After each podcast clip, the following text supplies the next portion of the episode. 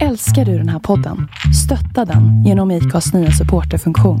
Det är helt upp till dig hur mycket du vill bidra med och det finns ingen bindningstid. Klicka på länken i poddbeskrivningen för att visa din uppskattning och stötta podden.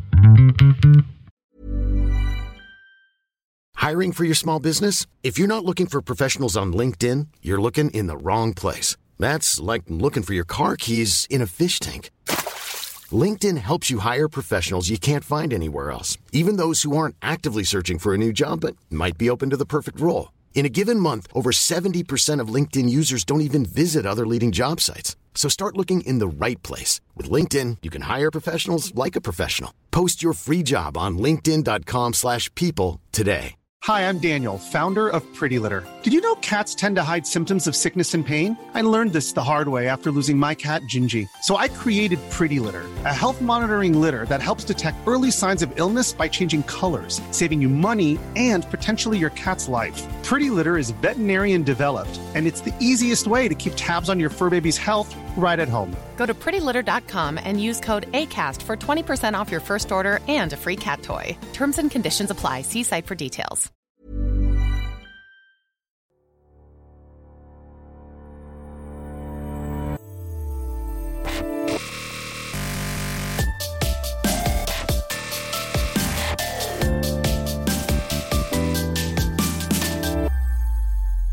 Hej och välkommen till ett nytt avsnitt av Bloggbusiness, en podcast från Better bloggers, Sveriges första yrkesnätverk för bloggare.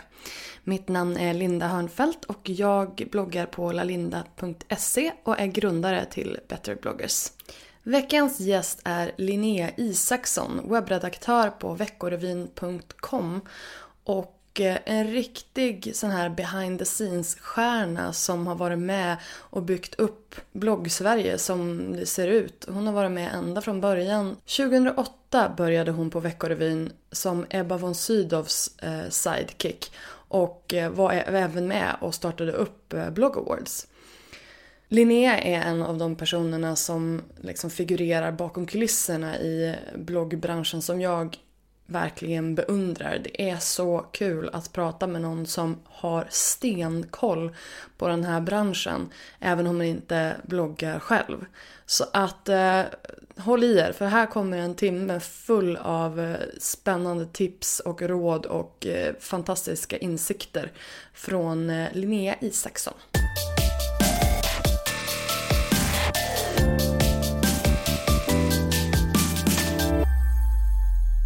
Hej Linnea och välkommen hit till bloggbusiness. Hej och tack Linda. Du, det här är alltså min allra första Skype-intervju. Jag har ju kört alla mina intervjuer eh, liksom live face to face innan men det gick som lite halvdåligt för du är på andra sidan jorden. Berätta! Ja exakt. Nej, men jag sitter i New York för tillfället eh, och eh, jobbar egentligen med samtliga av Bonnier Tidskrifters sajter på kvällstid kan man säga. Så att jag uppdaterar liksom och ser till att kommentarsfälten fungerar bra och bevakar och, och trendspanar och sådär från andra sidan Atlanten just nu. Eh, medan alla andra liksom, redaktörer går hem för dagen, då kopplar jag upp mig och, eh, och börjar min dag här borta. Så det är fantastiskt kul och bra på alla sätt och vis. Det är ju ja. en jättehärlig stad att vara i. jag är bara lite avundsjuk här. Vi börjar i, i rätt ände. Vem, vem är du? Ja du, vem är jag? Eh, Linnea Isaksson heter jag och är eh, webbredaktör på veckovin.com eh, och har varit det i sju, lite mer än sju år nu. Eh, och jag började på Veckovin som praktikant, eh, kom från journalistutbildningen i Kalmar eh, till Ebba von Sydow som precis då hade startat upp veckovin.com och ehm, var väl egentligen men, reporter från början och, och, skrev artiklar och gjorde lite trendplock och bara liksom sög in så mycket som jag kunde av liksom hela nätgrejen. För det var så nytt då, det var ingen annan tidning som direkt hade satsat utan det var mycket det var liksom precis i liksom startgroparna tror jag. Det liksom verkligen puttrade i liksom nätgrytan och alla ville göra någonting men visste inte riktigt vad. Och vissa bloggare började klättra på listor och hade jättemycket besökare. Och det var så kul att vara liksom med under den under den satsningen. Så jag bara liksom sög in allting som praktikant och lärde mig jättemycket eh, om både bloggare och om hur nätet funkar och även liksom vår relation som vi hade till, till vår pappersprodukt och hur vi skulle förhålla oss och sådär. Eh, och sen så fick jag ett sommarjobb eh, på veckovin.com som sommarreporter och sen så blev jag kvar efter det. Eh, och blev sen ansvarig webbredaktör året efter eh, när vi gjorde ganska stora förändringar eh, på Veckovin och vi eh, sa upp några bloggare, vi tog in nya bloggare. Eh, vi har sedan dess gjort jätte, jättestora förändringar och verkligen börjat foka eh, på vårt innehåll till skillnad från, från i början när faktiskt ganska mycket av trafiken var i just eh, Ebbas blogg. Eh, och därefter också i de efterföljande bloggarna. Vi, vi tog bland annat in Linda Hallberg som ju är en av Sveriges absolut största sminkbloggar. Men fortfarande var det ganska skevt eftersom då ja, men 80% av vår trafik låg Linda Hallbergs blogg. Så då tänkte vi att men gud, läsarna är inte här för veckovin.com och för vårt innehåll utan de är här för bloggen. Så hur ska vi balansera upp det? Och ja, vi började verkligen ta ett stort grepp om, om var vår trafik egentligen befann sig och hur mycket av liksom, trafiken kom från, från sökmotorerna, hur mycket kom från Facebook och hur mycket var direkttrafik och verkligen, verkligen grottade ner oss. Så att under ett helt år hade vi egentligen ja, men massa analys som vi gjorde. Eh, och sen så 2013, 2014 så, så tog vi ett rejält grepp och, och gick verkligen mot det sociala. Eh, och det var också i samband med att vår sajt blev responsiv, vi kunde liksom plötsligt finnas tillgängliga i mobilerna och vi märkte det supersnabbt. Alltså det var ett trendbrott som verkligen skedde för vår del eh, vid årsskiftet mellan 2013 och 2014. För då helt plötsligt så verkade det som att alla de få som inte hade fri surf eller hade en, en iPhone eh, var plötsligt liksom där. Eh, mm. Så vi ökade vår eh, mobila trafik till nästan 65 procent och cool. där har den legat stabilt. Ja, så nu är liksom all den totala trafiken på Ecoin.com är nästan 65 procent mobiltrafik.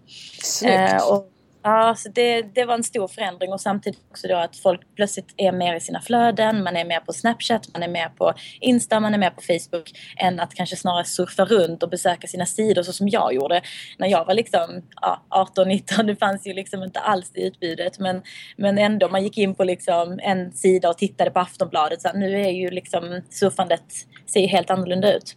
Mm. Eh, och det är där man måste hänga med hela tiden och, och det är liksom ett en stor del av mitt jobb idag. Ehm, förutom att då redaktöra sajten och se till att, att det finns bra innehåll på startsidan, att våra bloggare gör bra innehåll, att alla våra sociala skribenter, vi har ju skribenter som skriver enbart för att få social spridning, eh, att de gör bra jobb och att de har bra idéer. Och så är ju liksom en stor del att verkligen hålla sig lite uppdaterad på hur målgruppen rör sig och liksom hur vi möter dem tekniskt och hur möter vi dem innehållsmässigt och ja, vilka trender kan vi se och det är fasen inte lätt när det handlar om nätet alltså. Nej, inte om man ska hålla koll på alla de här olika kanalerna. Men alltså nu, det, nu, nu, nu, nu stack du iväg där kände jag lite grann. Jag vill stanna kvar lite grann med här liksom från början. 2008 började du? Blir det det? Ja det måste det vara. Alltså jag är lite, det har varit så många år men det måste vara 2008 ja. Som ja men det var väl liksom, det året som det var första liksom stora eh, blogg awards. 2007 mm. så var det ju en liten mindre grej på Spybar tror jag det var. Och sen ja, året Spybar, efter... Det ja, det var, det var precis. Det var en liten... Nej men det var på Obaren var det faktiskt. Var det Visst det? var det? Ja, den första lilla liksom, blogg awards var en liten bloggträff, en frukost som var supermysig. Eh, jag kommer ihåg att jag stod som livrädd praktikant i ena hörnet där. Det måste vara det. Och sen efteråt, året efter körde vi det riktiga första som liksom fick namnet blogg awards på Sturecompagniet. Det kändes som att ni ganska tidigt mutade in eh, mycket av Sveriges bloggande cirkulerade ju runt Veckorevyn där i början. Mm. Mm. hur, hur, lyckades ni med det? Oj, alltså det, det ska vi nog säga mycket tack vare Ebba eh, och Ebbas blogg. Eh, hon hade mycket trafik och hon var jätteskicklig på att nätverka och benchmarka sin blogg. Och jag tror att liksom vi var några av de första som, ja, som såg bloggare för alltså som, som, som affärskvinnor, mm. som eh, makthavare. Eh, och det var liksom helt nytt då. Så därför tror jag att vi blev några av de första som verkligen vågade liksom, ja, men, samla bloggare, se till att de nätverkade med varandra eh, liksom, och såg det som en affär. Jag tror att innan dess hade man varit lite, ah, ja hon bloggade, lite dagbok och lite så här, men nu plötsligt så fanns det någon, någon som såg bloggare som någonting mer, som som, som sagt blivande affärskvinnor och som, och, och som riktigt stora makthavare. Både liksom, ja, gällande åsikter men även liksom shopping och, och hela den biten. Och speciellt i vår målgrupp. Jag tror att det är också någonting som vi fick lite gratis. Att vi, Veckovins målgrupp är ju kvinnor 18 till 25, 18 till 30 på sajten. Eh, och jag tror att det är precis där som, som bloggandet växte. Det var ju flest kvinnor som hade bloggar, det är väl så fortfarande. Och även flest kvinnor som läser bloggar eh, dagligen. Så vi hade liksom lite matchning där också. Jag undrar lite grann om, om ni hade, alltså nu, jag kom på liksom det här nu. Jag tänker att, för det är ju fortfarande så att jag pratade med en, eh, en PR-byrå igår som jobbar inom mer telekom och sådär. Som hade pratat med någon på ja, i, om det var i England eller om det var Tyskland och sådär. Och eh, du skulle ha reda på de största telekombloggarna i Sverige. Och jag bara, eh, ja nej det är inte riktigt, det är inte riktigt där de rör sig, de svenska bloggarna, de största. Och jag undrar liksom hur mycket ni hade att göra med vilka bloggar eller vilka segment det var som blev stora och som har fortsatt vara stora sedan dess. Ja, det är inte omöjligt. Svårt att svara på. Ja, ja, jag förstår. Det... Men, men, jag tänker alltså bara så här, bara så öppen, väldigt uh, random analys så känns det ja. kanske lite så. För det är ju som samma uh, segment. Just att det är tjejer. Nu är det väl kanske lite mer utspritt för de här som var lite äldre för tio år sedan. De är ju fortfarande, eller liksom de som var unga då, som jag. Mm. alltså, jag är ju 35 nu och jag bloggade ju, hade liksom precis börjat då. Um, så att de, jag, jag bloggar ju fortfarande så att man har liksom hängt med i den utvecklingen. Uh, och så sen har det även kommit många yngre. Som ja. du säger, det är ju garanterat fortfarande flest tjejer och enligt den här undersökningen som, som jag gjorde så är ju 94% av läsarna kvinnor. De som läser Precis. Så att, um, ja, men och vi har också märkt att, det, att läsandet att det går ner i åldrarna. Att det är liksom fler och fler yngre som också börjar läsa. Så ser, man själv tänker att det är liksom kvinnor 25 till 30 men vi har också märkt att många bloggare och framförallt så här, alltså Youtube-profiler drar till sig väldigt ung publik. Um, Mm, från liksom 12 och 13 snarare kanske än, än 24 25. Mm. Så det är också ganska intressant att kika på vad, vilka åldrar är det egentligen man har i sin blogg. Um, det är ganska svårt att hålla koll på, på när man speciellt har stora mängder läsare. Att det, det, är inte alltid helt lätt att analysera vilka, vilka läsarna är. Um, det finns egentligen inte, alltså, i Sverige ganska dåliga på att samla data mm. på trafiken eh, jämfört med till exempel här där man drar liksom nytta av allt vad cookies heter och samlar in liksom supermycket information. Eh, vi börjar ju liksom toucha lite de områdena i Sverige också men jag tror inte att några bloggare egentligen är super super duktiga på, sina, på sin analytiska sida och verkligen kolla sin målgrupp och vad har de för intressen, var kommer de ifrån, var... Ibland ser man att man säger, ställ lite, berätta i kommentarsfältet men det är så en otroligt liten del av den totala trafiken. Mm. Att ibland tror jag att vissa stora bloggare och även mindre. Man kanske skulle behöva ibland en riktig genomgång, liksom, analys av vad man egentligen har för läsare.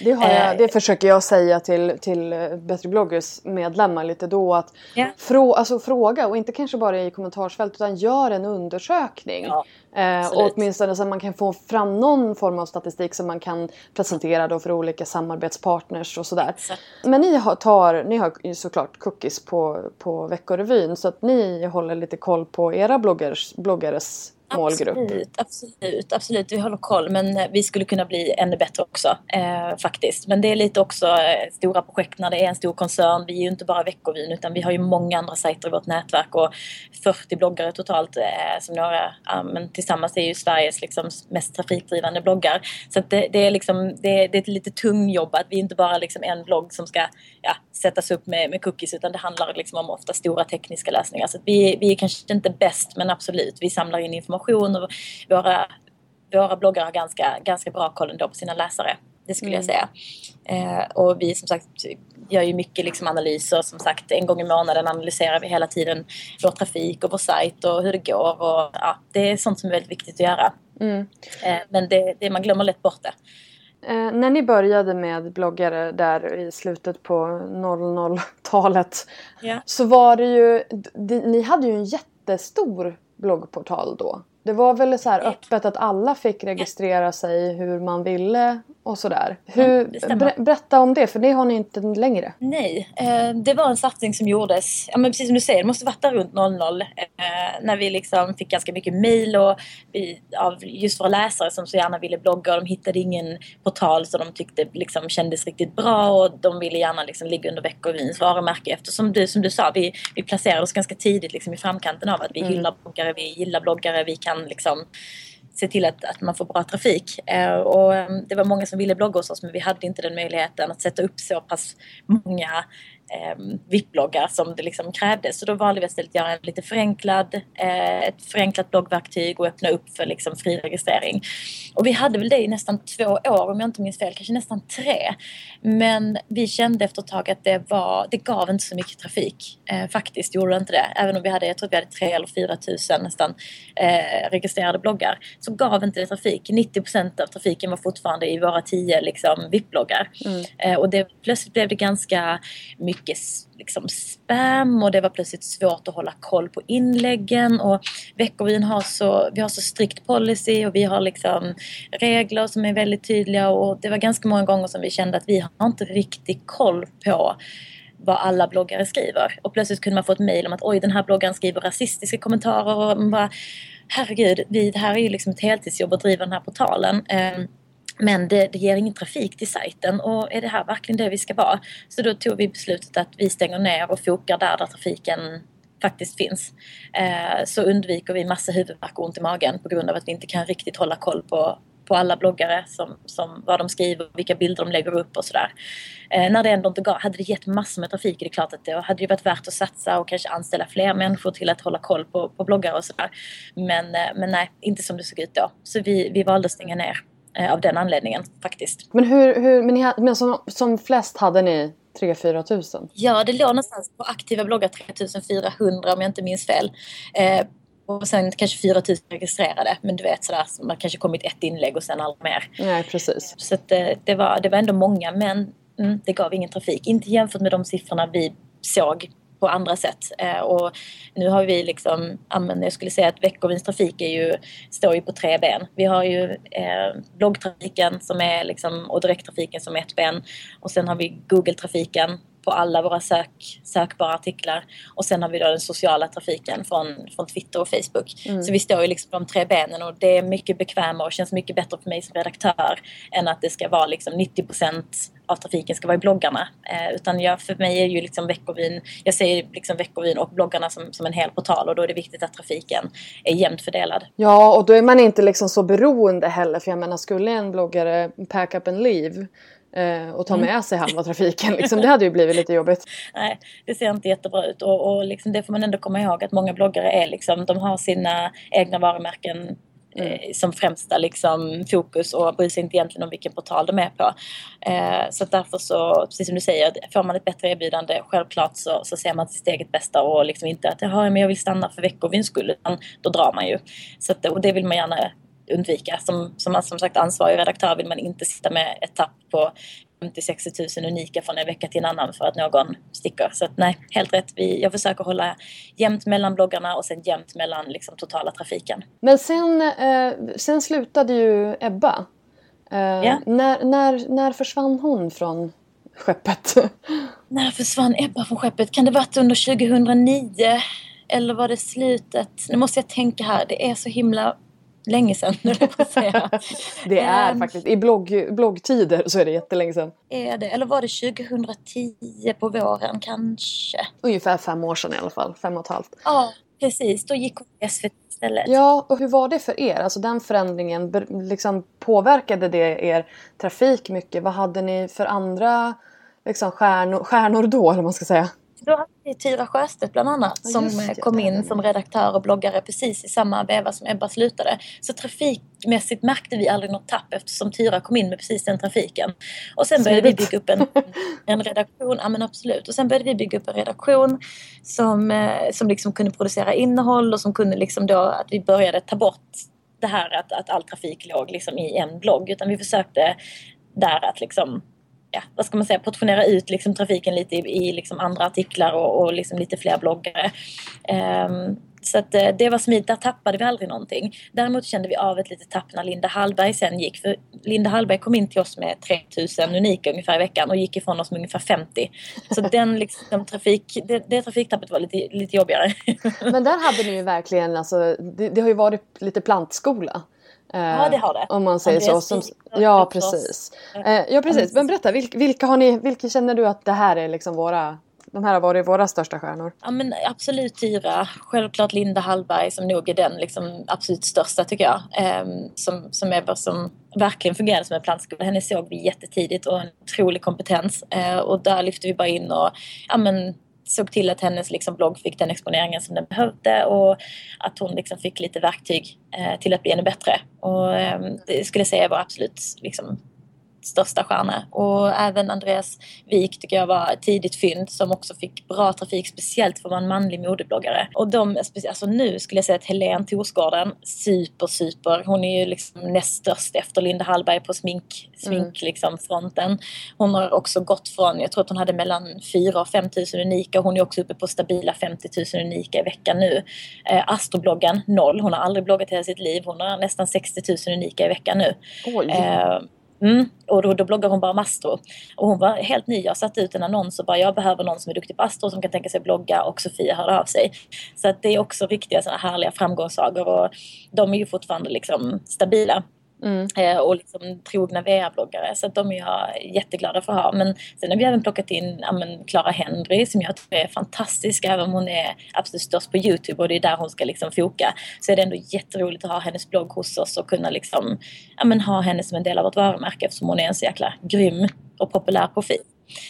Um, så att eh, vi har ju liksom verkligen varit, som du säger, plantskola för vissa och sen så har vi liksom mer bara underhållit vissa som redan har en ganska trogen skara som till exempel Clara Henry och sådär.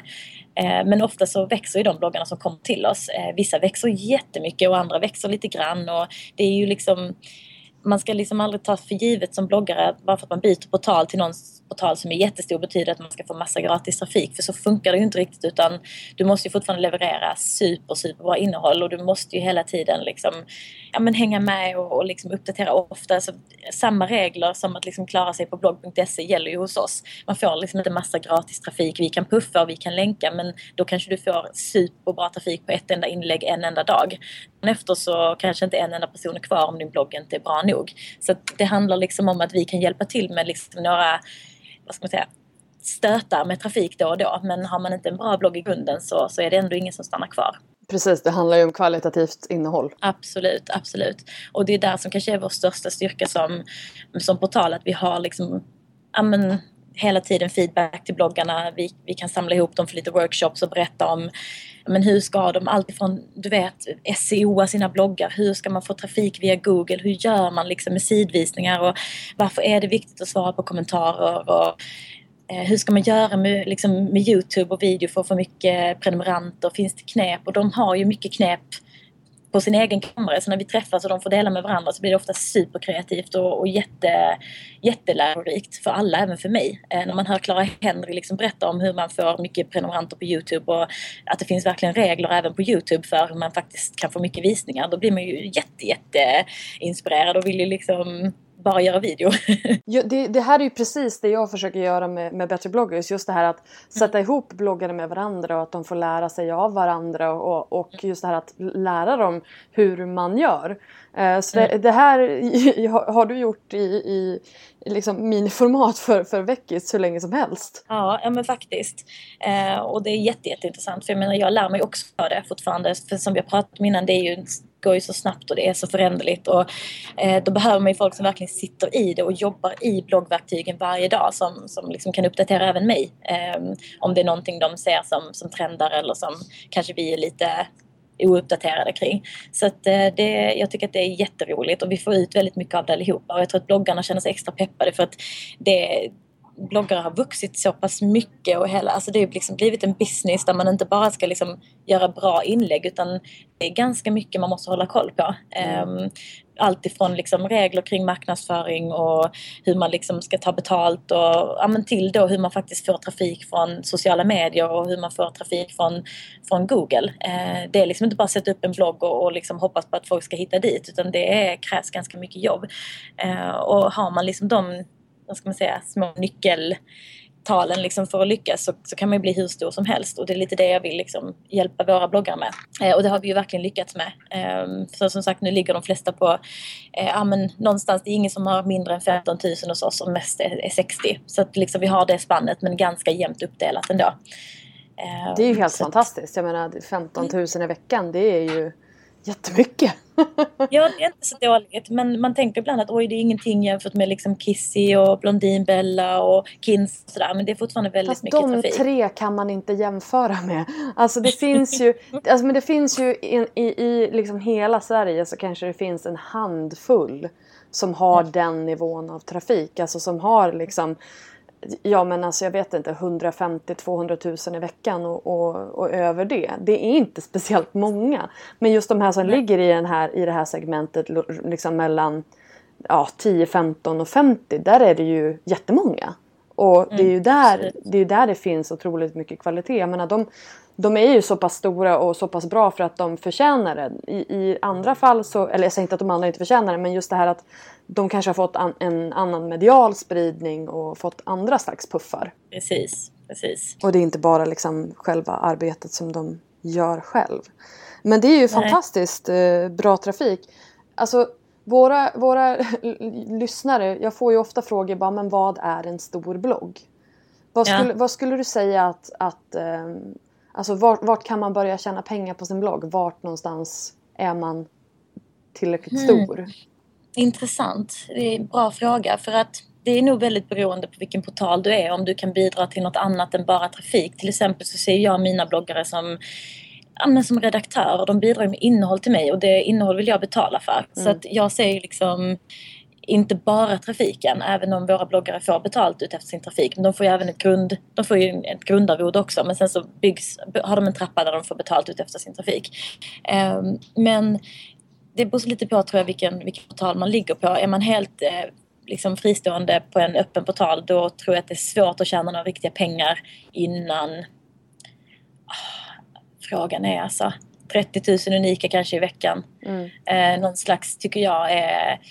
Där märker man att efter det så börjar bloggare bli riktigt intressant att faktiskt betala för. Inte bara så här, men jag skickar dig senaste läppstiftet här från Maybelline och så kan du väl testa det. Eller så kan du få tävla ut 15 stycken. Och så blir bloggaren jätteglad och så kommer Maybelline aldrig någonsin placera en annons i din blogg för att du gör ju det gratis. Så att det är svårt att ta betalt innan man har mycket trafik. Om du inte ligger på en portal som faktiskt också värderar din blogg för innehållet och som lyfter och säger att "Ja, men, du gör så bra videos att vi vill, lägga dem, vi vill ha dem på veckovin och vi kan driva trafik både till bloggen och även på liksom den, ditt inlägg i form av en artikel. Eh, Så det, det, det är säkert lite olika från portal till portal men jag har svårt att säga att man kan tjäna några pengar. Nu kanske några bloggar kommer bara höra av sig och bara jag tjänar visst en massor med pengar men jag har svårt att tro att om man är under 30 000 unika tror jag att det är knivigt att få ihop det speciellt som en heltidstjänst. Jag menar man kan dra in ett par tusenlappar kanske vid sidan av sitt riktiga jobb och det är inte fel. Men, men att gå runt helt på det då, då krävs det ganska mycket trafik. Det gör Det det. gör ju det. Alltså jag känner ju en, en hel del som har mindre än det där och, och, och tjänar ganska bra pengar. Eh, men det kanske är... Då kanske de får ihop så att de kan ha en, en, en halvtidstjänst på bloggen. Och så sen kanske man frilansar som någonting annat. Som till exempel en träningsbloggare kanske även är PT och ja, sådär. Då är det ju en jättetrevlig extra inkomst men som sagt att göra det på heltid det är fortfarande svårt alltså. Och så, och så just det här att man tror att är man då... Alltså jag vet inte hur många gånger jag får höra så här, ja men jag kanske ska starta en blogg och bli rik typ. Och man bara, ja, jo, men det kan du ju göra men då får du ju verkligen lägga ner tid på det. Jag tror att det är verkligen en sån här stort missförstånd att man ska kunna tjäna en massa pengar och ha ett heltidsjobb och ha en familj och sådär. Det tar ju tid. Ja, gud ja. Jag vet hur mycket tid mina bloggare lägger på, på sina bloggar. Eh, och Helene är väl den som egentligen bara gör det här på heltid. Eh, och eh, hon lägger ner alltså en, minst en hel arbetsdag varje dag på bloggen.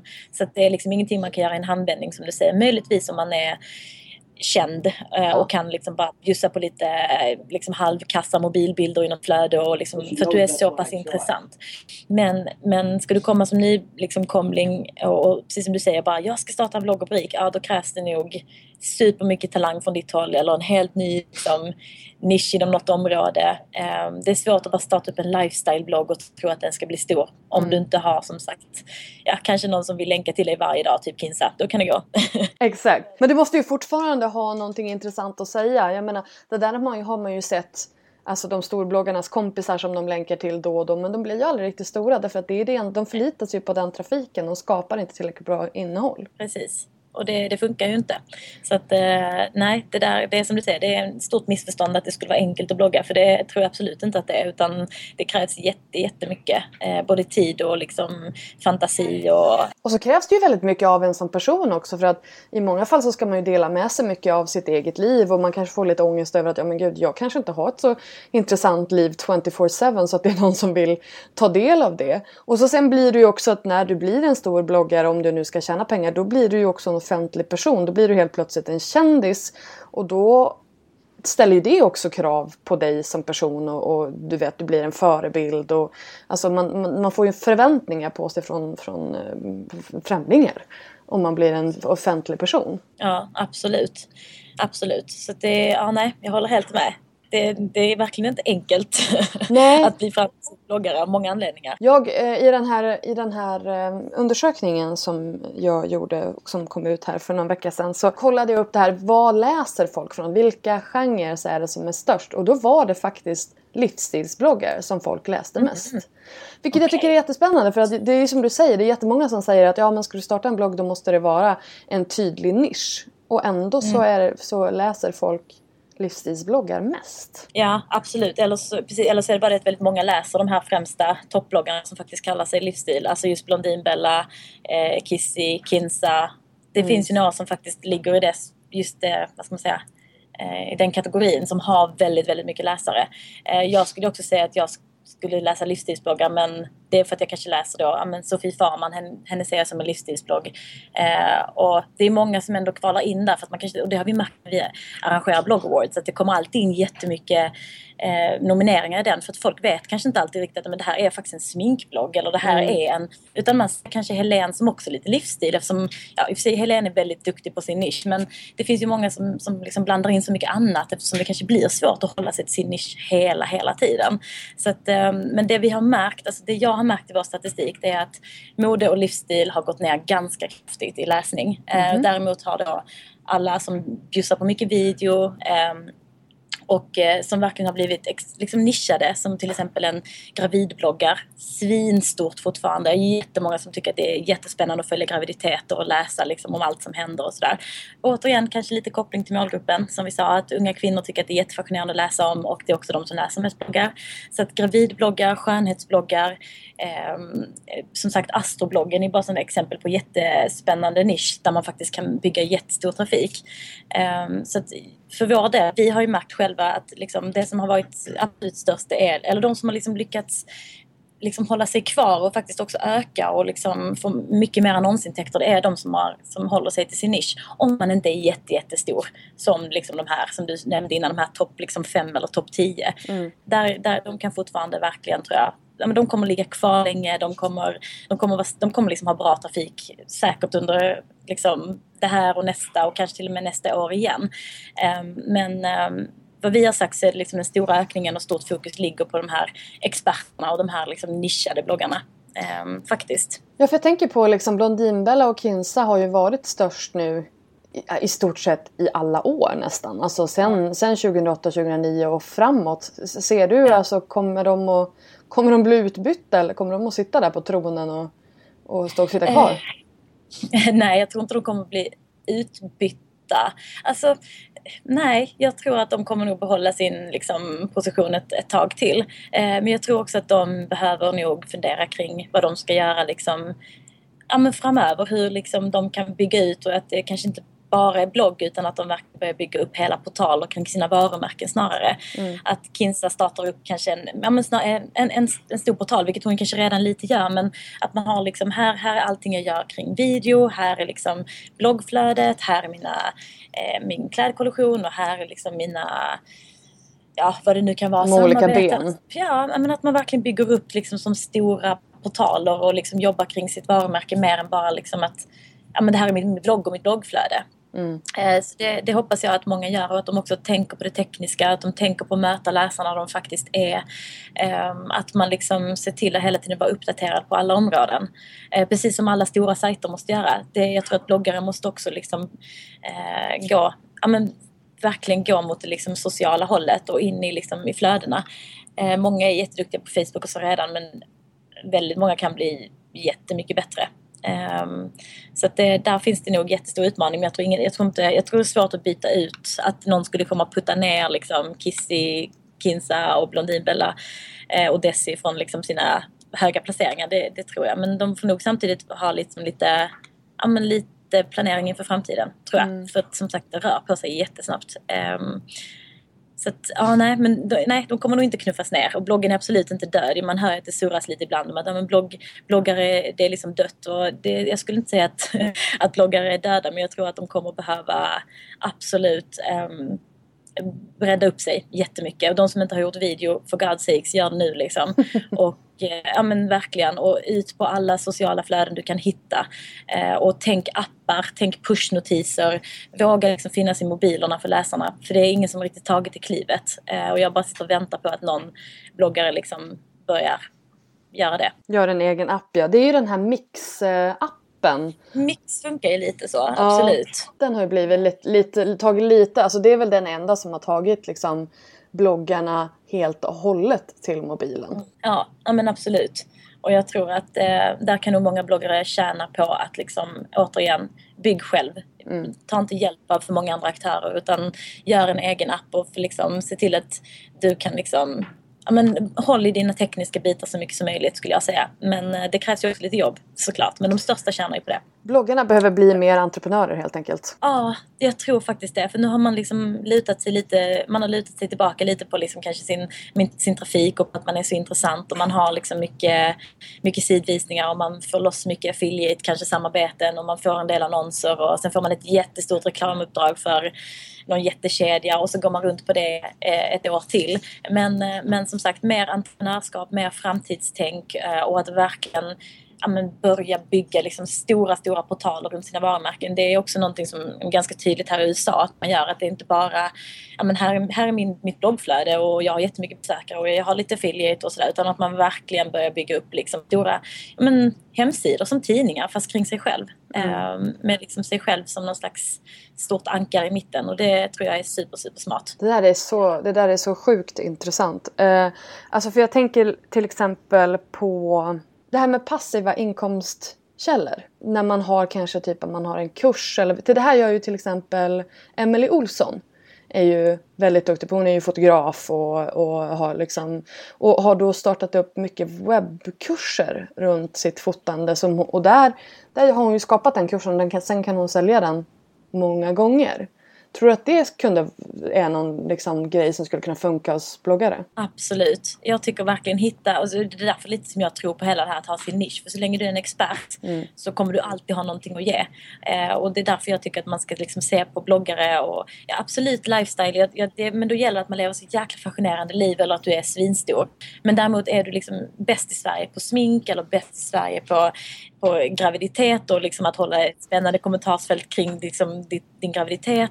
Eller om du har liksom superkoll och spetskoll på mode eh, så tror jag att man kommer liksom kunna omvandla det till någonting mer än bara ett bloggflöde. Precis som du säger, man kanske kan hålla en kurs i det, man kan göra sidoaktiviteter, man kan göra liksom en spännande Youtube-kanal.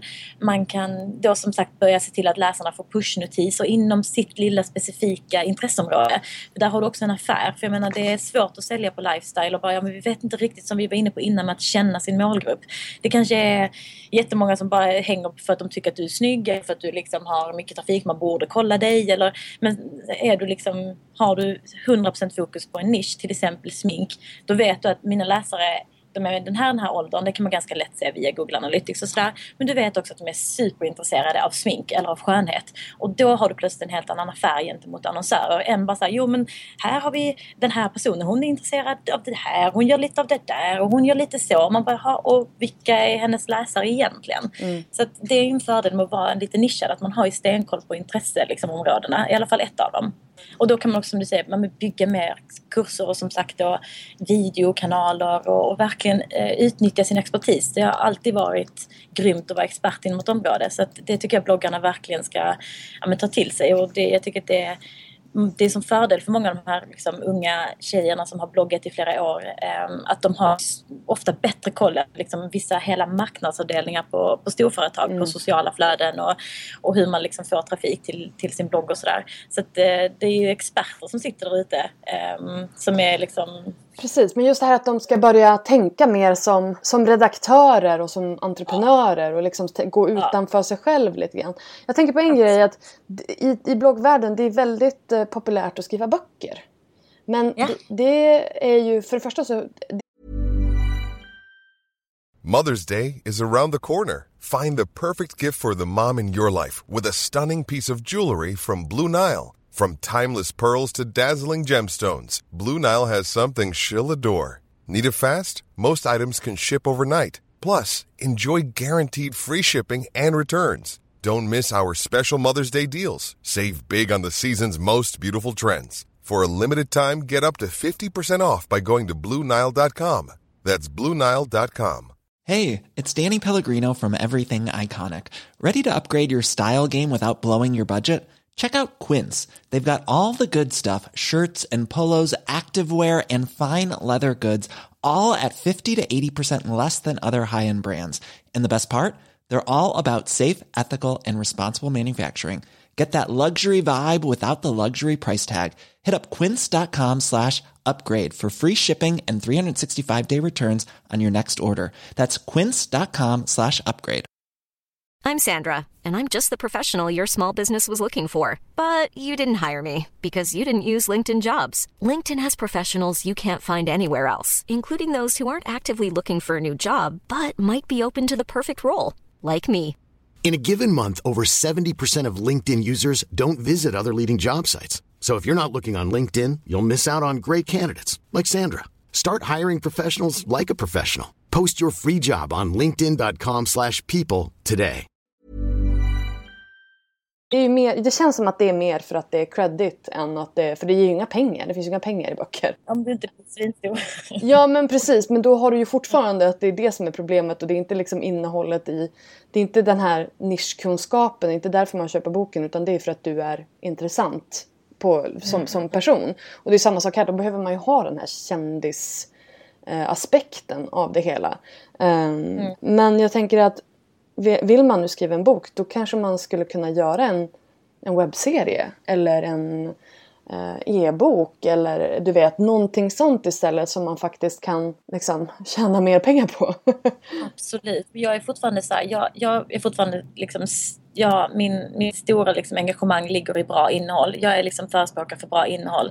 Gör man bra innehåll så kommer folk att läsa det, beror, vare sig du heter Blondinbella eller ja, Mikaela Svensson. Liksom. Det, det, är bra innehåll. Det är det som är så fantastiskt med nätet, att man kan få riktigt, riktigt bra spridning. Men det kanske är en en gång eller kanske två. Det svåra är att hålla liksom någon slags kontinuerlig liksom, stor trafik. Eh, men som sagt en bra bok, en riktigt, riktigt bra bok kommer liksom kanske få skjuts av att man är ett, ett, eh, eller bara man får ut lite grann, lite marknadsföring på den så kommer det spridas av sig själv.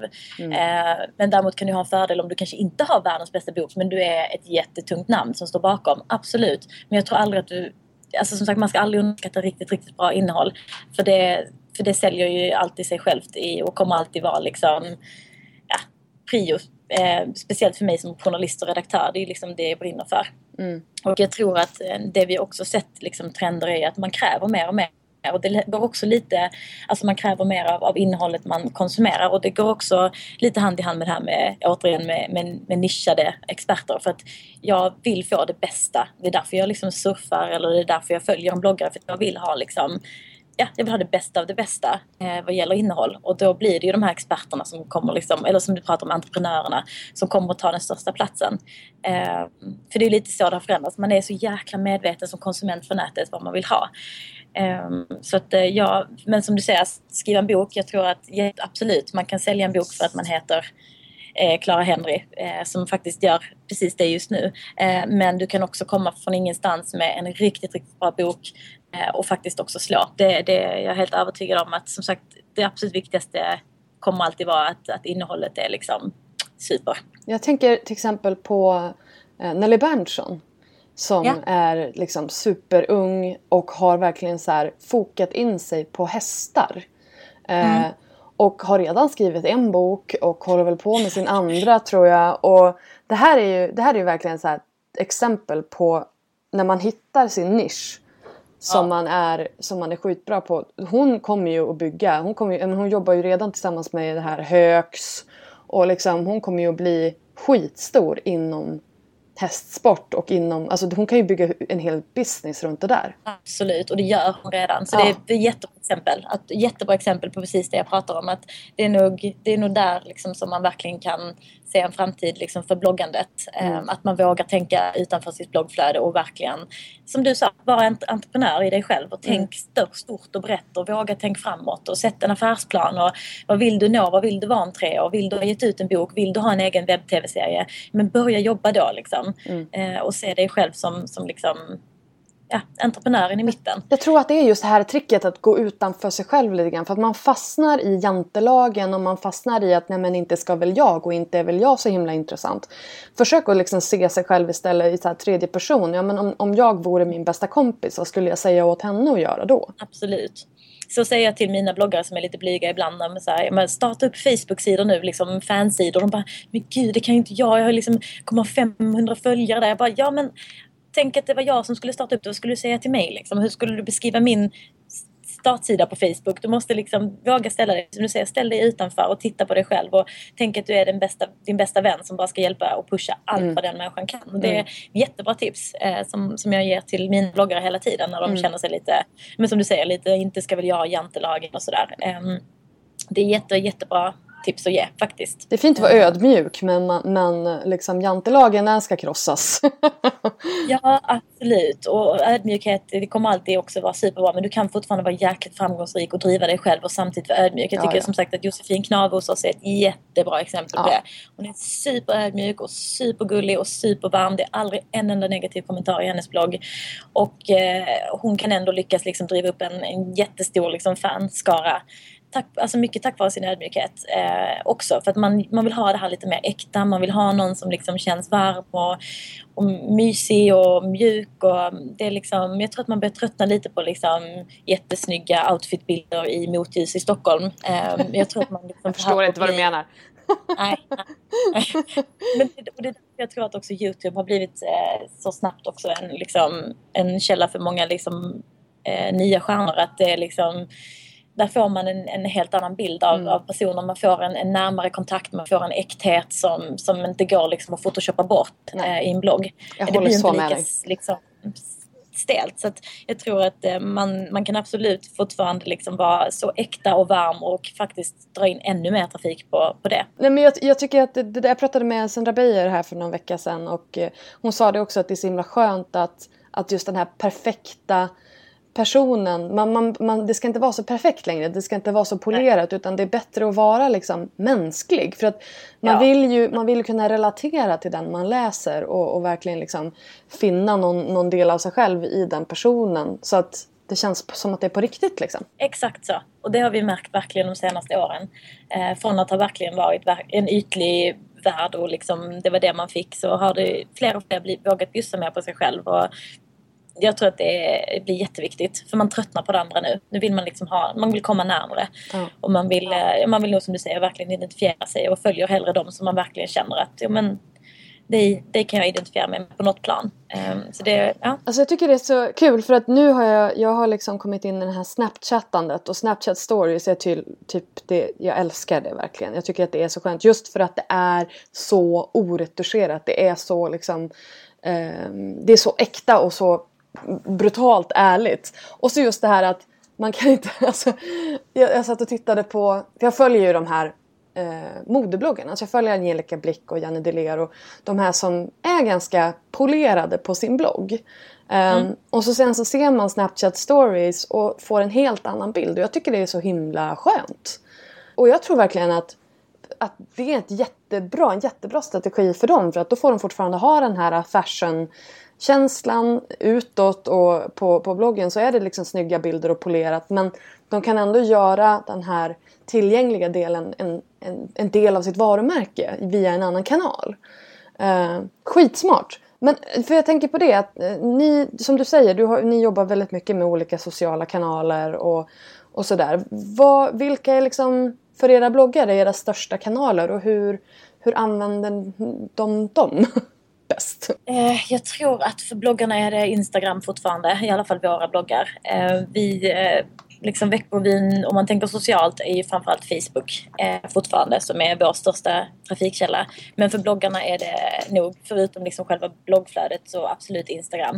Mm. Eh, så eh, Clara Henry twittrar ganska mycket, det är en bra källa för henne. Men de andra twittrar inte aktivt. Ehm, eh, utan de, de, gör, de, de gillar Instagram bättre. Eh, och sen Snapchat tror jag att de kör för privat bruk hittills. Ehm, även om vi kanske börjar fundera på om de kanske ska göra det också. Det är ju alltid också det där en, en hårfin liksom, det får man ju ställa sig frågan vad vill jag ska vara privat och vad vill jag ska vara professionellt. Och jag menar bloggar man för Veckorevyn så är det ju ett yrke. Eh, man blir ju en offentlig person eh, och eh, då måste man ju också välja att ska alla dina kanaler vara offentliga eller ska det faktiskt vara så att vissa är privata. Du tänker så att de är låsta eller så att de bara inte går under typ ert avtal eller hur, hur funkar det där? Alltså när, när ni har som, som till exempel, ja Klara jag vet att hon ligger väl på Splay va? Eller? Ja, precis. Ja. precis. Men jag tänker och, och, och Instagram och blogg och hur, hur, vilka kanaler? För jag menar, är man en offentlig person så är det klart att då är man ju offentlig i alla kanaler som man ja. låter folk få tillgång till. Men vilka kanaler går under ert avtal när det gäller liksom annonsering och sådär? Bara bloggen. Ja. Bara bloggflödet. Vi äger ingenting annat. Jag menar man, vi, vi äger absolut inte Instagram eller Youtube-kanaler eller någonting sånt. Utan det är bloggen som vi kan sälja på och det är därför som det är den som ligger under avtalet. Det är den de får betalt för. Mm. Vad de sen gör, liksom, absolut får de inte bryta mot liksom, viktiga policies hos oss eh, på sin Instagram. Men vi kan ju absolut inte säga att nu ska vi äga ditt Instagram också. Kommer bloggaren och önskar det, att men ni får gärna ta över försäljningen för min Instagram för jag är lite osäker på reglerna eller jag tycker inte att jag får tillräckligt betalt när jag gör det här själv. Absolut, då kan man lämna det i våra händer men det är absolut ingenting vi kräver. Utan det väljer man själv om man vill att vi ska liksom ja, men, hjälpa till med Instagram införsäljning eller Youtube införsäljning och sådär. Absolut, men det är ingenting vi, som står i våra avtal från början. Nej och sen är det ju väldigt svårt också. Jag menar när, när det är en tredjeparts eh, applikation på det sättet så vet man ju aldrig hur, hur länge man har de följarna man, följarna man har eller när de ändrar sina avtal på något vis. Därför att, ja, men alltså, jag, jag, jag har skrivit eh, inlägg om det här på Bättre bloggers och jag pratar om det väldigt ofta, så ofta jag kan. Just det här att mm din blogg är din viktigaste kanal för det är den enda kanalen som du har någon som helst kontroll över.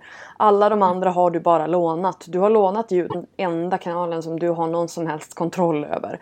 Alla de andra har du bara lånat. Du har lånat Youtube, du har lånat Instagram, Facebook därför att det är ett annat privat företag, vinstdrivande företag som äger den kanalen. Och mm. får de för sig att nej men det här funkar inte, vi, vi gör någonting annat och så helt plötsligt så tappar du en massa följare eller det är svårt att hitta eller vad det nu kan vara för någonting. Du kan inte göra någonting åt det. Nej, exakt. Det är alltid lite läskigt att vara i händerna på någon annan. Mm. Um, så att absolut. För där har man ju inget avtal som är... Alltså där är det ju bara liksom att godkänna eh, användaravtal. Du har ju inte... Jag menar, du har ju med dina bloggare så har ni ju ett avtal som båda skrivit på och man har förhandlat fram någonting. Eh, mm. när man jobbar med Instagram och Youtube då är det ju bara att liksom anpassa sig till. Ja men lite så, lite så. Du har inte så mycket att säga till om. Om du inte är skitstor och kan gå direkt till, till Instagram och säga att hej, nu vill jag att ni ska göra någonting för mig också. Typ. Precis, um, absolut. Nej, men så att jag håller helt med. Bloggen är fortfarande, och det är den, den som är viktig, jag tror att det är ändå där som bloggare fortfarande tjänar liksom sina pengar. Det är mm. ju bloggen. Mm. Um, jag tror att det är som sagt, det, men det kommer ju mer och mer kring Instagram också. Det kommer ju företag nu som, som liksom fokar på bara Instagram och liksom hitta stora profiler och, och knyta stora samarbeten till dem. Um, så att det, jag menar det, det kommer säkert bli business av Instagram så småningom också. Men som du säger, alltid lite läskigt att vara i, i, i tekniska händer på någon annan. Det, ja, och så jag menar, börjar man tjäna pengar på sina Instagram-följare då känner jag att Instagram kommer ju att vilja ha en del av det också. Liksom. De kommer ju vilja ha en del av den kakan. Precis som att Facebook håller på att köra organic reach i botten så kommer de ju vilja ha, eh, liksom, ha koll på det. Ja, absolut. Så, så liksom bara att man bara, man, bara man är medveten om det och alltid försöker Självklart ska man använda de här kanalerna för spridning men allting ska i slutändan skicka trafik till, till bloggen, tycker jag. Ja, eller precis som jag lite var inne på där innan, att bygga en stor portal hellre runt dig med dina egna videoklipp. Samla liksom, absolut som du säger, lägg ut för att få bra spridning. Samla så mycket som möjligt av innehållet hos dig så att folk tvingas in till din plattform mm. Eh, och kan ta del av allt ditt innehåll på en plattform. Så att du håller koll på dina, men återigen besökare, vilka det är som tittar. För det är jättesvårt tycker jag på Instagram att veta också vilka följare man egentligen har. Det är ju liksom de här kontona som har flera, flera miljoner följare. Man bara, vem är det egentligen? Mm. Eh, och vilka är det och vilka liksom... Hittade idag ett jätte, jättebra statistikverktyg. Eh, nu har jag bara testat det lite grann under dagen. Men jag hittade ett, ett verktyg som är typ som, där man faktiskt kan se hur gamla är de? Var kommer de ifrån? Eh, är det, det, det är liksom kvin, kvinnor? Är det män? verkligen jag satt och bara förkovrade i mig i, i det där. Och, bara, och man kunde se vilka bilder som procentuellt hade bäst engagement. Som inte var Aha. så här, okej okay, det här fick 40 likes. Utan det beror ju på hur många, hur många följare du Följer. hade just då. Liksom. Så man kan se vad som engagerar procentuellt. Asbra, jag är helt kär i den. vad, hette, vad hette det verktyget? Det blir jag jätteintresserad av.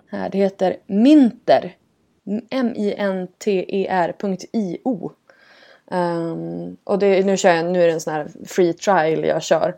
Sen beror det på hur många, hur många, vad det, hur många följare man har beroende på vad det kommer att kosta då. då eh, och följa de här. Men då kan man även följa konton som inte är ens eget. Ja, ja, ja. Man behöver liksom inte ha godkännande från den personen utan man kan kolla upp andras statistik. Hurray! Oj, vad Verkligen! Och vad alla som tänker att de ska placera lite pengar där på, på eh, Instagram. Ja, vad kul. Men det är som sagt det är väl bara en var ju tidsfråga liksom efter som sagt om Facebook köpte upp eh, Insta så att det är klart att det kommer släppas liksom analysverktyg även för det. Mm. Eh, och det kommer ju krävas som du säger om nu också Instagram vill tjäna pengar. Så, mm. det, men det, jag tycker det är så himla spännande att befinna sig i den här. För det är ju ett paradigmskifte som vi, som vi befinner oss i just nu. Och jag tycker det är lite, lite så här stormens öga. Jag tycker det är skithäftigt att få ja, vara där. Verkligen så. Jag håller helt med.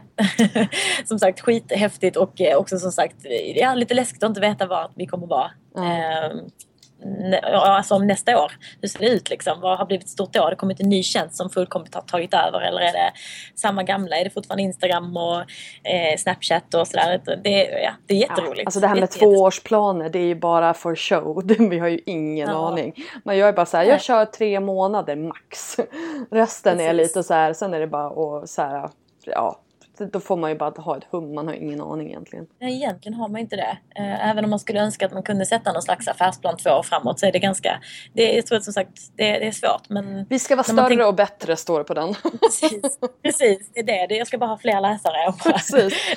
Fler läsare, mer pengar. Det är liksom det enda som, som det kan stå på den egentligen. Men du, ska vi prata lite blogg awards? Det kanske vi ska göra. Vi är faktiskt inte så långt i liksom planeringen för årets gala ännu så att, eh, jag har egentligen inte så jättemycket att säga men du, du får jättemycket jättegärna... att säga in liksom på de tidigare åren. Jag menar det här är ju, ni är ju den enda galan som, alltså det var ju den första. Första bloggpriset mm. som kom och det enda som typ har överlevt alla de ja. andra. Eh, jag tänker att Aftonbladet hade ju ett bloggpris där ett tag som gick i graven ganska snabbt.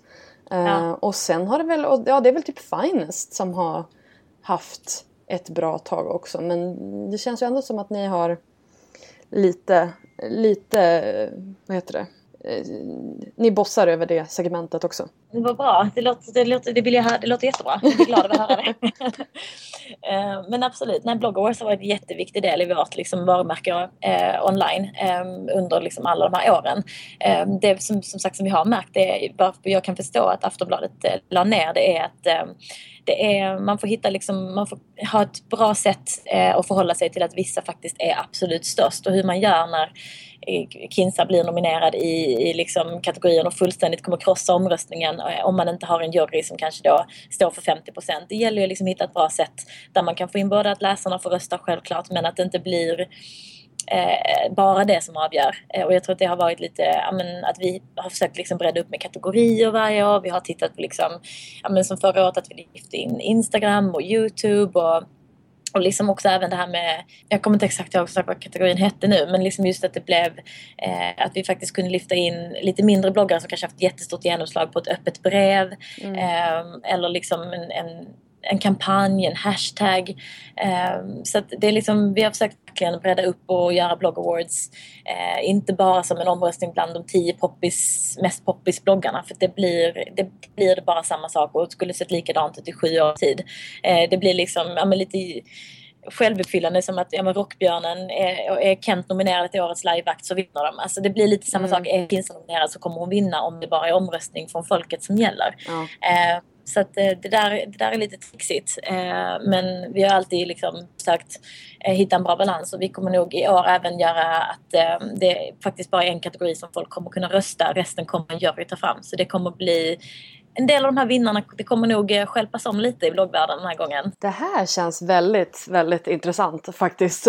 Det här har jag sett fram emot för att det känns ju lite förutsägbart att den som har mest läsare vinner. Ja men det blir ju tyvärr lite så och det känns ju lite så här, ja men lite förutsägbart och lite trist. Så det kan ju vara, det kan ju vara kul men känner du att, för det jag känner också att jag var ju med eh, ett par år, jag hade några vänner som var nominerade och sådär men nu har ju vi blivit gamla. så nu får inte vi vara med längre.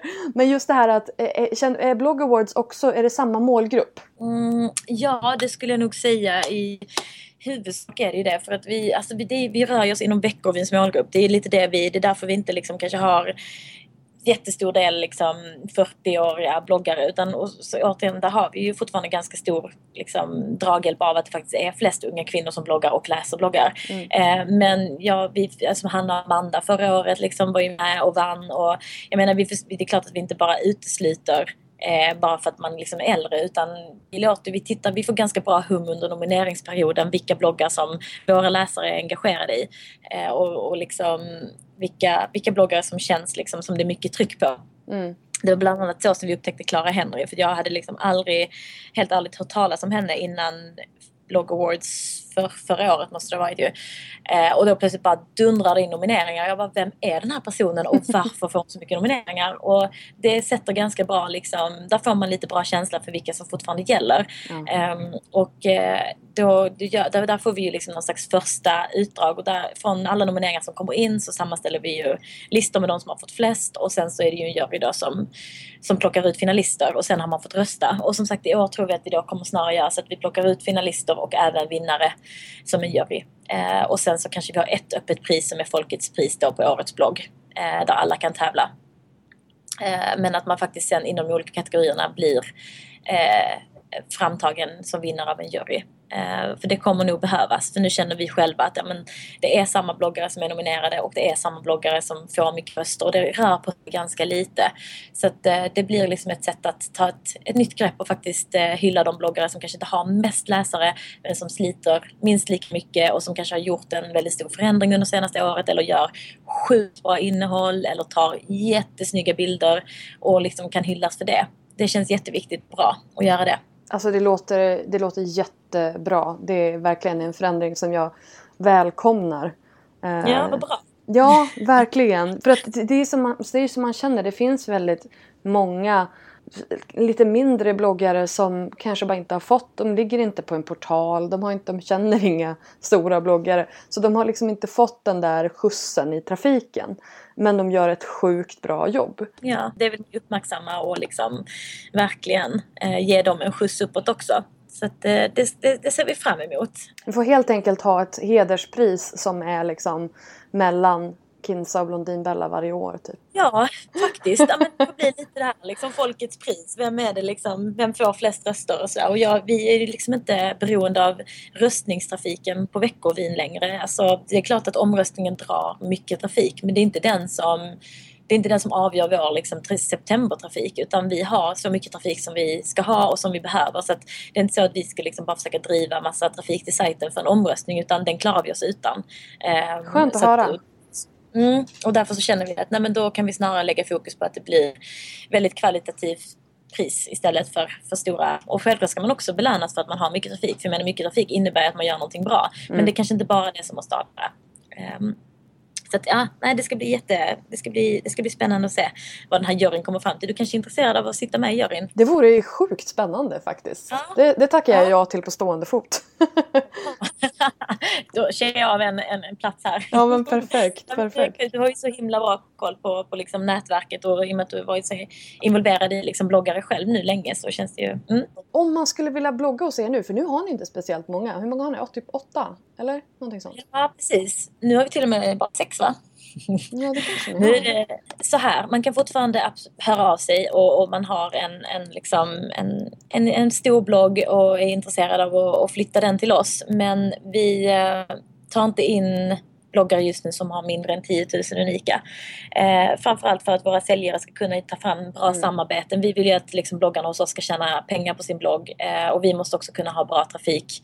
Eh, annars går vi back. Så att vi har liksom satt någon slags lite minimum på kanske 10 000 om vi inte ser superbra kvalitativt innehåll men om vi verkligen så här, tror på att vi kan bygga kanske upp så som vi gjort med Melinda eller Helen eller mm. eh, Tyre eller Andreas. Så att där det är självklart har man liksom en, en jättebra blogg och tror att ja, jag har verkligen det som krävs för att bli riktigt stor.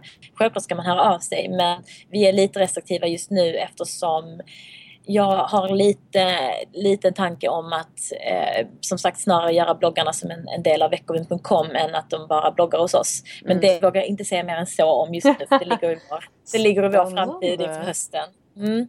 Men vi, vi, ja, vi har lite tankar om att gå bort från klassiska blogg, bloggar och bloggflöden eh, och involvera våra liksom, bloggare mer som redaktörer på sajten. Eh, och det ser jag jättemycket fram emot. Eh, att eh, de får ta ett kliv bort från att inte bara vara bloggare utan de blir liksom moderedaktör, beautyredaktör, astroredaktör. De blir liksom redaktörer mm. och bidrar på precis samma sätt med innehåll men det är inte en, en traditionell blogg. Spännande, ja det ska bli kul att se. Men som sagt, det är någonting som vi bara precis ligger i, i starten eh, för att göra och, eh, för att göra och genomföra. Eh, men självklart ska man fortfarande höra av sig. Jag, jag tycker alltid att det, jag blir alltid jätteglad när, när folk hör av sig och vill blogga hos oss för det ser jag som en liksom, kvalitets... När folk hör av sig och vill blogga hos oss för det ser jag som en liksom, kvalitetsstämpel. Att man, man vill gärna förknippas med vårt varumärke och sådär. Och det, det tycker jag känns jätte, jättebra. Men vi är väldigt restriktiva just nu eh, med att ta in nya. Utan vi, jag ska försöka... Vi bygger de vi har och, och liksom, som sagt kanske då kommer se lite annorlunda ut veckovin i höst. Ja, för jag, jag, tänkte, jag har också tänkt på det. Jag har också satt någon form av så här gräns när folk frågar ja, men, om man skulle kunna tjäna pengar. Jag har ju en liten bloggagentur också på sidan av. Um, och då har jag också satt gränsen vid 10 000 just för att det, det handlar ja. inte om att din blogg inte är bra om den är liten utan det handlar bara om att det är inte värt varken för mig som ska sälja eller för dig som ska producera om, om det inte är... För jag menar, trafiken är ju en stor del i hur mycket det kostar helt enkelt. Ja, Hur mycket pengar man kan dra in. Uh, så att jag, jag bara säger, ja men lägg energin istället på att skapa bra innehåll och bygga alltså bygga trafik. Och sen kan man liksom ta det när man har kommit upp till någon slags magisk gräns. Ja, exakt så säger vi också. Ja. Så att, liksom, har, kommer man, har man 15-20 000 unika, absolut, då finns det en affär för oss direkt. Annars måste det vara super, super, super bra innehåll, någonting nytt, någonting vi känner att vi kan bygga kring, någonting mm. som vi saknar på vin. Och det är faktiskt inte, just i nuläget är det inte så jättemånga som, som har det. Eh, eftersom vi har breddat upp oss ganska bra och har ja, men, återigen den trafiken som vi faktiskt behöver mm. eh, just nu.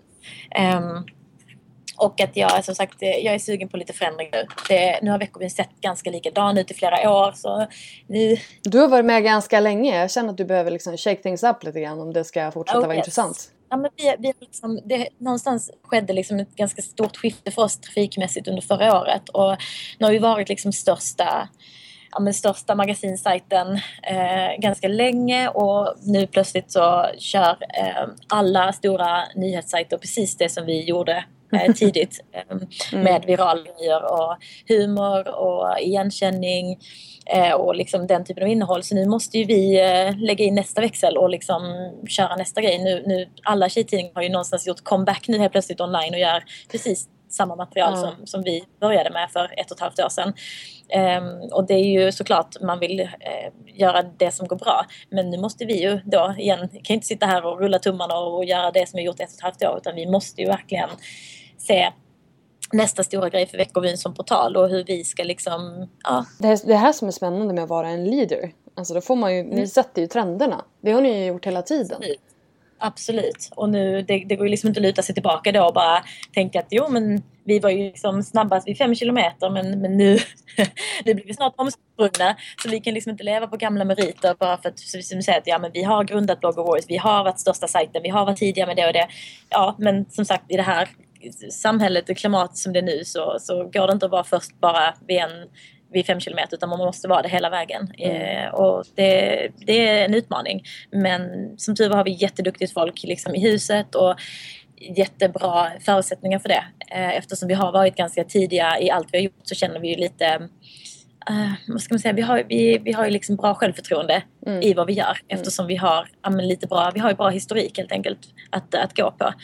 Uh, och mycket data insamlat och, och liksom mycket kunskap i redaktionen och, och liksom eh, i våra bloggare som jag tänker nu bara ska, nu ska vi utnyttja det till max, allas liksom grymma kompetens och, och även i bloggarna för att jag är så otroligt imponerad över det mina bloggare gör varje dag eh, och hade inte klarat liksom Veckovyns trafikmål utan dem och då vill jag att de ska bli ännu mer delaktiga i sajten och, och liksom, som sagt då kanske jobba ännu mer som redaktörer eh, liksom i, i min redaktion.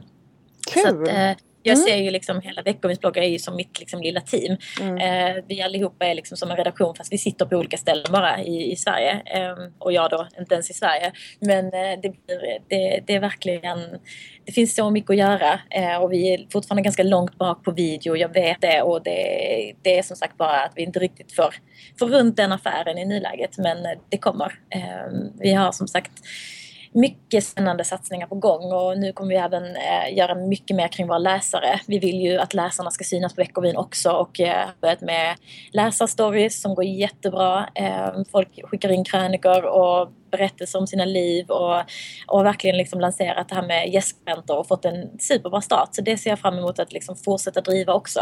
Så att Veckovin ska liksom bli någon slags, det ska vara den enda portalen du liksom som ung tjej eh, behöver. Du ska mm. få liksom, mer nyheter, mer snackisar. Du ska få vad dina liksom, eh, medmänniskor, alltså tjejer Peers. i din ålder, vad de tänker på. Precis, precis. De, vad, de, vad som rör sig i deras huvuden, hur deras livssituation ser ut. Du ska även få superbra sminktips för det är folk fortfarande jätteintresserade av. Du ska få modetips, eh, du ska få skratta ordentligt, du ska få liksom lite allt det där som liksom, allt det du vill ha på nätet. Eh, det ska du kunna få från Veckorvyn och då kommer vi behöva göra lite förändringar för att det ska bli verklighet. Men jag ser jättemycket fram emot det och som sagt planerna, planerna finns. Eh, så det ska bara det ska bara, det ska bara rullas igenom. ut. det ska drivas igenom och rullas ut. Det är väl det enkla va? Ja, nej. det är ju inte riktigt det. Men det blir, jätte, det blir jättespännande höst för vår del och som sagt vi kommer växla för att nu kommer eh, många ikapp oss och gör precis som jag sa, mycket av det vi redan har gjort. Mm. Men du som eh, bloggmamma, mm. eh, vad, vad, skulle du säga om du skulle vilja ha så här, tre business-tips till våra lyssnare som bloggar? Vad, vad, skulle du säga? Oj, oj, oj. Det är ju så mycket. Men eh, alltså, för det första, som sagt, vem är du och varför ska man läsa din blogg? Vad, vad bidrar du med? Vad är liksom din USP till att blogga? Eh, vad ska liksom vara ditt fokus och ditt innehåll och liksom Ska du ha en nisch eller ska du verkligen satsa på att du är tillräckligt intressant för att bara kunna ha lifestyle? Så att verkligen foka, hitta liksom din USP till att blogga. Eh, hitta din nisch. Eh, Unique selling point för de som inte vet vad USP betyder. Ah, ja, tack. Vi som pratar marknadsföringsspråk hela dagarna. Exakt. Um, och sen ja, men, eh, rent sätt dig in tekniskt vad du har att jobba med där. Man kan få ganska bra trafik eh, om man nu speciellt har en nisch genom att vara jäkligt skillad på sökord, på keywords, eh, sätta in i Googles algoritmer, sätta in i Youtubes algoritmer, sätta in i Facebooks algoritmer, lär dig de tekniska liksom, baskunskaperna egentligen för hur man driver trafik. Eh, ta en kurs liksom, om det krävs i lite HTML och som sagt lite sökordsoptimering för det är fortfarande bra att kunna det.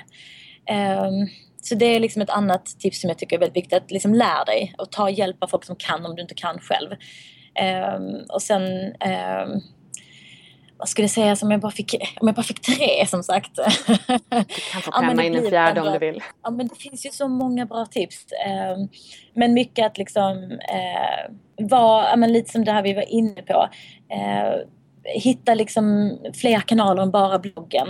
Eh, tänk video, tänk sociala medier, eh, tänk din, din blogg i framtiden eh, och bygg liksom verkligen ja, men så många olika ben du kan som möjligt så att det inte bara står och faller i trendbrott eh, med all trafik utan bygg brett och tänk som du var inne på, liksom entreprenörskap för framtiden så att du rustar dig eh, ifall det blir stora förändringar. Eh, det skulle jag säga och håll dig liksom ajour med, med vad som händer. Hur gör andra bloggare?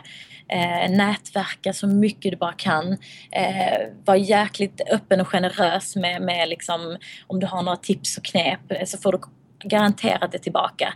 Eh, det är liksom lite av de här grundstenarna egentligen för att vara en bra businessperson. Mm. Men att vara jäkligt professionell också i samarbeten. Får du ett stort samarbete någon gång, för allt i världen, sjabbla inte bort det. För det är sånt som man minns. Och mediebubblan är ganska liten. Det snackas snabbt om bloggare som inte sköter sina uppdrag eller som inte ja, men dyker upp på en viktig plåtning av liksom, jättekonstiga anledningar. Och det, tyvärr så, så ska man vara jäkligt rädd om liksom, ja, sitt varumärke ute mot läsarna självklart men även i branschen. Så vårda, liksom, var jäkligt professionell och återigen ta hjälp av till exempel personer som dig Linda om du inte riktigt hanterar den biten själv. Jag menar är man 17 bast och inte har läst eh, eh, liksom affärskunskap eller marknadsföring, det är klart att man inte kan alla regler och sådär själv utan då kanske man ska vända sig till någon som, som faktiskt kan och, och mm. bli coachad. Mm. Jag tycker det är jättebra tips och det är det som ja, men vi kan bidra med bland annat för våra bloggar på Veckovin. Att vi har liksom ett säljteam i ryggen, vi har jurister i ryggen som tar hand om allting när det gäller liksom reklambrott mot marknadsföringslagen och man har även en coach i mig då som kan hjälpa framåt om man känner att shit, jag har inte koll på varför jag har färre sidvisningar nu än för en månad sedan. Vad kan jag göra? Varför är mina unika så här och sidvisningarna så här och varför är mina kommentarer mindre på det här inlägget? Alltså någon som har liksom lite lite koll. Det kan vara bra att använda sig av en coach faktiskt. Det finns, eh, det finns många duktiga personer där ute. Så att, ja, det var väl, och sen som sagt bredda upp dig. Fin, hit, man måste kunna hitta dig överallt. Hitta mm. på Instagram, hitta på Facebook, hitta på Google. Eh, var så synbar som du bara kan. Eh, och liksom plocka marknadsandelar där, där det finns att plocka. Sen behöver man inte vara skitbra på alla de här kanalerna. Man, man behöver Absolut. finnas så att man kan liksom gå vidare. Om du har en Instagram ett konto på Instagram eller, eller på Twitter eller sådär. Det är ändå bra att ha det. Sen kan du kanske bara ha det för att skicka vidare dina blogginlägg eller någonting. Men då kan, man, då kan man tagga dig, man kan hitta dig och man kan hitta in till din Exakt. blogg via det. Exakt så. Mm. Och det är liksom ja, för vissa kanaler är lättare än andra att hantera och man, som du säger, man kan inte vara bäst på alla. Nej. Men att finnas på Twitter under ett namn är ändå ganska bra för att du kan i alla fall sitta och passivt följa. Du kan säga att oj, jag taggade faktiskt folk in mitt inlägg. Är det någonting jag ska svara på eller ska jag... Ja, det är ganska viktigt att bara finnas, precis som du säger. Exakt, och vill jag skriva om en person och liksom hänvisa till att ja, men jag har träffat den personen eller jag har eh, läst någonting av den personen eller vad det nu må vara. Där är ju Klara väldigt bra för att jag var och såg en föreläsning ja. med henne och då kan jag liksom tagga in henne och då kan folk som inte är där se vem hon är och hitta henne. Det är ju, det är ju ett sätt för, för att få nya läsare. Absolut, absolut. Så att eh, ju mer man liksom kan sätta sig in i och våga sätta sig in i de kanalerna. För det är lite bökigt i början, speciellt jag är livrädd för Twitter. Jag tycker det var skitläskigt. eh, och det är liksom, men, men att man liksom vågar. Eh, och det tror jag att speciellt unga personer som kommer upp, de är liksom uppväxta med det här. De tycker inte att det är läskigt att twittra. De fattar exakt hur alla trådar och flöden och allting funkar. Det är väl liksom, ja, man lär sig. Det är bara att testa. Ja, man lär sig. Har man inte växt upp i det så får man liksom som sagt ta en kurs av ett Twitterproffs som du känner eller eh, ja men varför inte signa upp sig på webbredaktörsutbildning i, i liksom ett halvår och gå kvällskurser. Det finns så mycket mm. bra utbildningar. Och det finns så himla mycket på nätet. Alltså det finns ju hur mycket webbkurser som helst som man kan ta om man nu inte vill ta en kvällskurs någonstans. Det finns hur mycket som helst. Ja, och även liksom att ja, men du kan gå kamerakurs online, du kan gå videoredigeringskurser online. Det finns ju hur mycket som helst. Så att, eh, det, det är liksom ja, det enda som hindrar en är väl att man kanske då inte har tid för allt det här. Men då, det är ju som du säger, när man väl sen liksom kanske då får liksom upp lite trafik över 10 000 där, då kanske det är värt att lägga faktiskt äh, ännu mer tid och sen kanske man kan gå upp till heltid när man väl är etablerad. Mm. Att, äh, men som alla entreprenörer så får man jobba jättehårt. Det får man ju vara beredd på som bloggare också. Att det, det är inte bara att skicka ut ett inlägg och sen sätta sig och, och rulla tummarna och vänta på, på erbjudanden utan det, det krävs jättemycket jobb. Eh, en av våra största i nätverket som är Jennys matlogg för Damernas Värld, du, du känner ju säkert till den. Mm. Eh, hon jobbar ju också verkligen, hon, hon lägger otroligt mycket energi, inte bara på att baka och fota utan även sen att kommunicera ut sina recept på Facebook och hur hon gör med tilltalet och när hon lägger ut puffar, vad hon instagrammar, vad hon bloggar. Det är liksom hel vetenskap bakom hennes succé. Men då, då tänkte jag, då, nu har vi pratat skitlänge så jag tänker mm. vi knyter ihop säcken och så får jag tacka dig så jättemycket för att du var med här idag. Ja men och som sagt tack för att jag fick vara med. Jag blev jätteglad över att få frågan. Jag älskar att prata nät och bloggare så stort tack för det. Du har precis hört ett avsnitt av Bloggbusiness, en podcast från Better bloggers. Podcasten hittar du såklart på iTunes och på bloggbusiness.se. Vi finns även på Facebook, på Twitter och på Instagram, at betterbloggers. Lämna gärna en kommentar med vad du tyckte om intervjun eller kanske lämna ett önskemål om en framtida gäst. Tack för att du har lyssnat. Ha det bra. Hej då! Here's a cool fact. A crocodile can't stick out its tongue. Another cool fact you can get short term health insurance for a month or just under a year in some states. United Healthcare short term insurance plans are designed for people who are between jobs, coming off their parents' plan, or turning a side hustle into a full time gig. Underwritten by Golden Rule Insurance Company, they offer flexible, budget friendly coverage with access to a nationwide network of doctors and hospitals. Get more cool facts about United Healthcare short term plans at uh1.com. Mom deserves the best, and there's no better place to shop for Mother's Day than Whole Foods Market. They're your destination for unbeatable savings, from premium gifts to show-stopping flowers and irresistible desserts. Start by saving 33% with Prime on all body care and candles. Then get a 15-stem bunch of tulips for just $9.99 each with Prime. Round out Mom's menu with festive rosé, irresistible berry chantilly cake, and more special treats. Come celebrate Mother's Day at Whole Foods Market.